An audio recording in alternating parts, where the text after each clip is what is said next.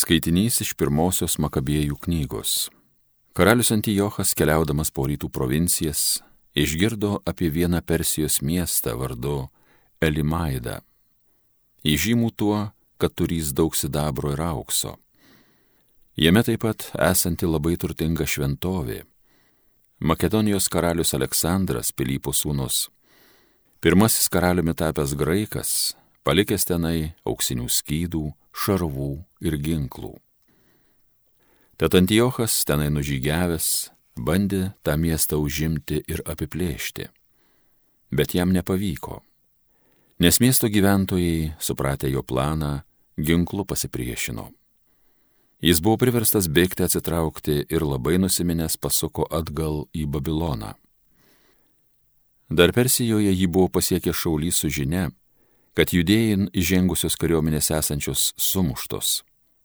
Taip pat ir Lyzijas, stiprių pajėgų priekyje išėjęs į mūšį, sunkiai prie žydus pralaimėjęs.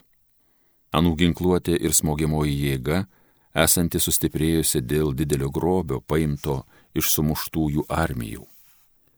Jo pastatydinta ant altoriaus Jeruzalėje pabaisa, anie nuvertę ir šventyklos kiemą apvedę aukštą kaip pirmą mūro sieną taip pat ir jo miestą Betcurą. Karalius tai išgirdęs apstulbo ir labai sunerimo.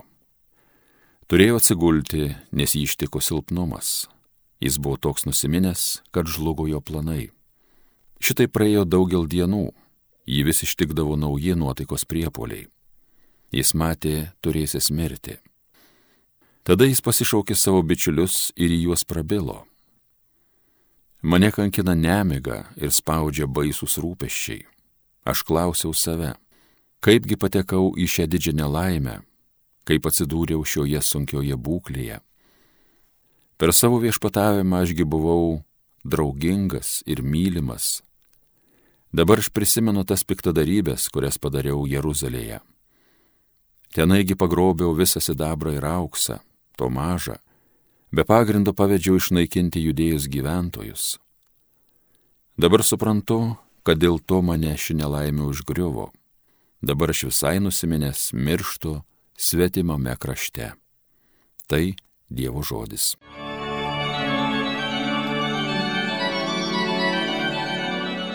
Džiaugiuosi viešpatie tavo pagalba. Viešpatie, aš trokštų visą širdimi tave šlovint Noriu skelbti visus tavo nuostabius darbus, trokštų džiūgauti, tavim vis gerėtis, tegu tau aukščiausias mano muzika skamba. Džiaugiuosi viešpatie tavo pagalba. Traukėsi atgal mano priešai, kniumba ir žūva, kai tu pasirodai, pagonis tu sugniuždėjai, sužlugdėjai nedoruosius, jų vardą visiems amžiams ištryniai. Džiaugiuosi viešpatie tavo pagalba. Į savo išraustą duobę pagonį sugriūva, jų koja įkliūva į spastus pačių pastatytus. Teisingas varguolis nebus pamirštas amžiais, bedalio viltis nieko met nebus veltui. Džiaugiuosi viešpatie tavo pagalba. Alleluja.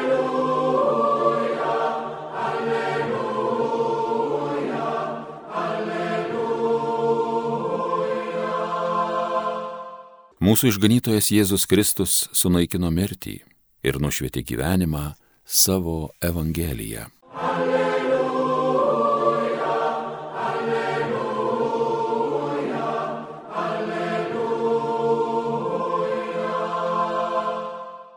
Iš Evangelijos pagal Luką. Pas Jėzų atėjo sadukiejų, kurie neigė mirusiųjų prisikelimą ir paklausė, mokytojau Moze yra mums parašęs, jei kieno vedęs brolis numirtų be vaikis, tuomet jo brolis tegul veda našlę ir pažadina savo broliui palikoniu. Taigi yra buvę septyni broliai. Pirmasis vedė žmoną ir mirė be vaikis. Ją vedė antrasis, paskui trečiasis ir pailiui visi septyni ir mirė, nepalikdami vaikų. Galiausiai mirė ir ta moteris kuriogi žmona ji bus, kai mirusieji prisikels, juk ji yra buvusi visų septynių žmona. Jėzus jiem atsakė, šio pasaulio vaikai veda ir teka, o kurie pasirodys verti dalyvauti aname pasaulyje ir mirusiųjų prisikelime, tie neves ir netekės. Taip pat ir mirti jie negalės, nes bus tolygus angelams ir bus Dievo vaikai, būdami prisikelimo vaikai. O kad mirusieji prisikels, mini ir Moze pasakojime apie krūmą, kuris viešpatį vadina Abraomo dievu, Izaoko dievu ir Jokūbo dievu. Juk Dievas nėra mirusiųjų Dievas, bet gyvųjų, nes visi jam gyvena. Tuomet kai kurie rašto aiškintojai atsiliepė, mokytojau, tu gerai išaiškinai. Ir daugiau niekas nebedryso jo klausinėti. Girdėjote viešpatie žodį.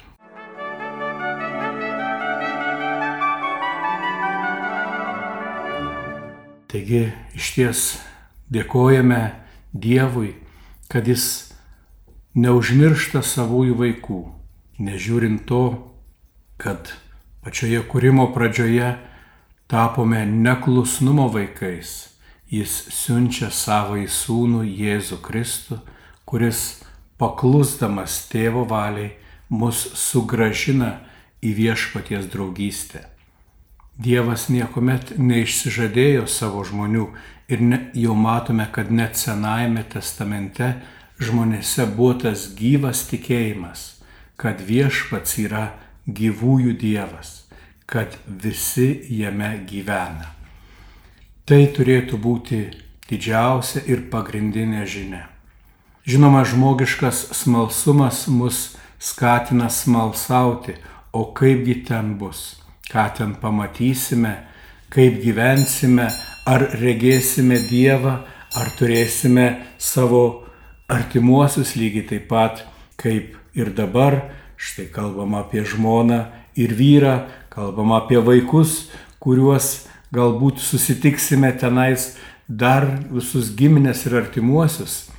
Tačiau Jėzus mums sako, tie žmogiški ryšiai yra mums be galo svarbus, bet visa pranoks bendrystė su Dievu. Visi būsime Dievo vaikai, taigi visi būsime broliai ir seserys ir vienas kitą matysime brolių ir sesijų akimis, negeisdami vienas kitą turėti savo, bet džiaugdamiesi visų tuo, ką Dievas mums yra paruošęs, džiaugdamiesi amžinuoju gyvenimu, džiaugdamėsi vienas kitu, o svarbiausia džiūgaudami, kad esame kartu su viešpačiu.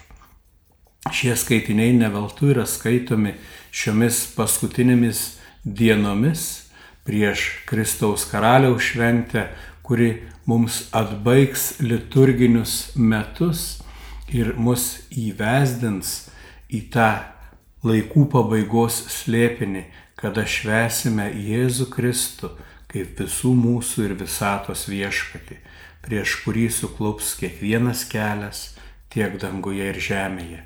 Ir neveltui mūsų žvilgsniai yra kreipiami amžinybės link, norint priminti, kad esame ne tik šio pasaulio, bet visų pirma amžinybės ir Dievo karalystės vaikai. Ir didžiausias mūsų rūpestis turėtų būti ne kaip ten viskas bus, bet kad būtume verti dalyvauti tame mirusiųjų prisikelime, apie kurį mums šiandien kalba viešpats.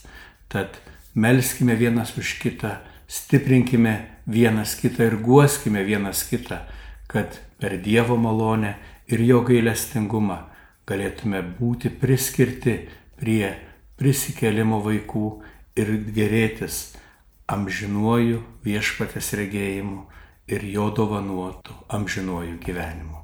Gražios visiems dienos su Dievu.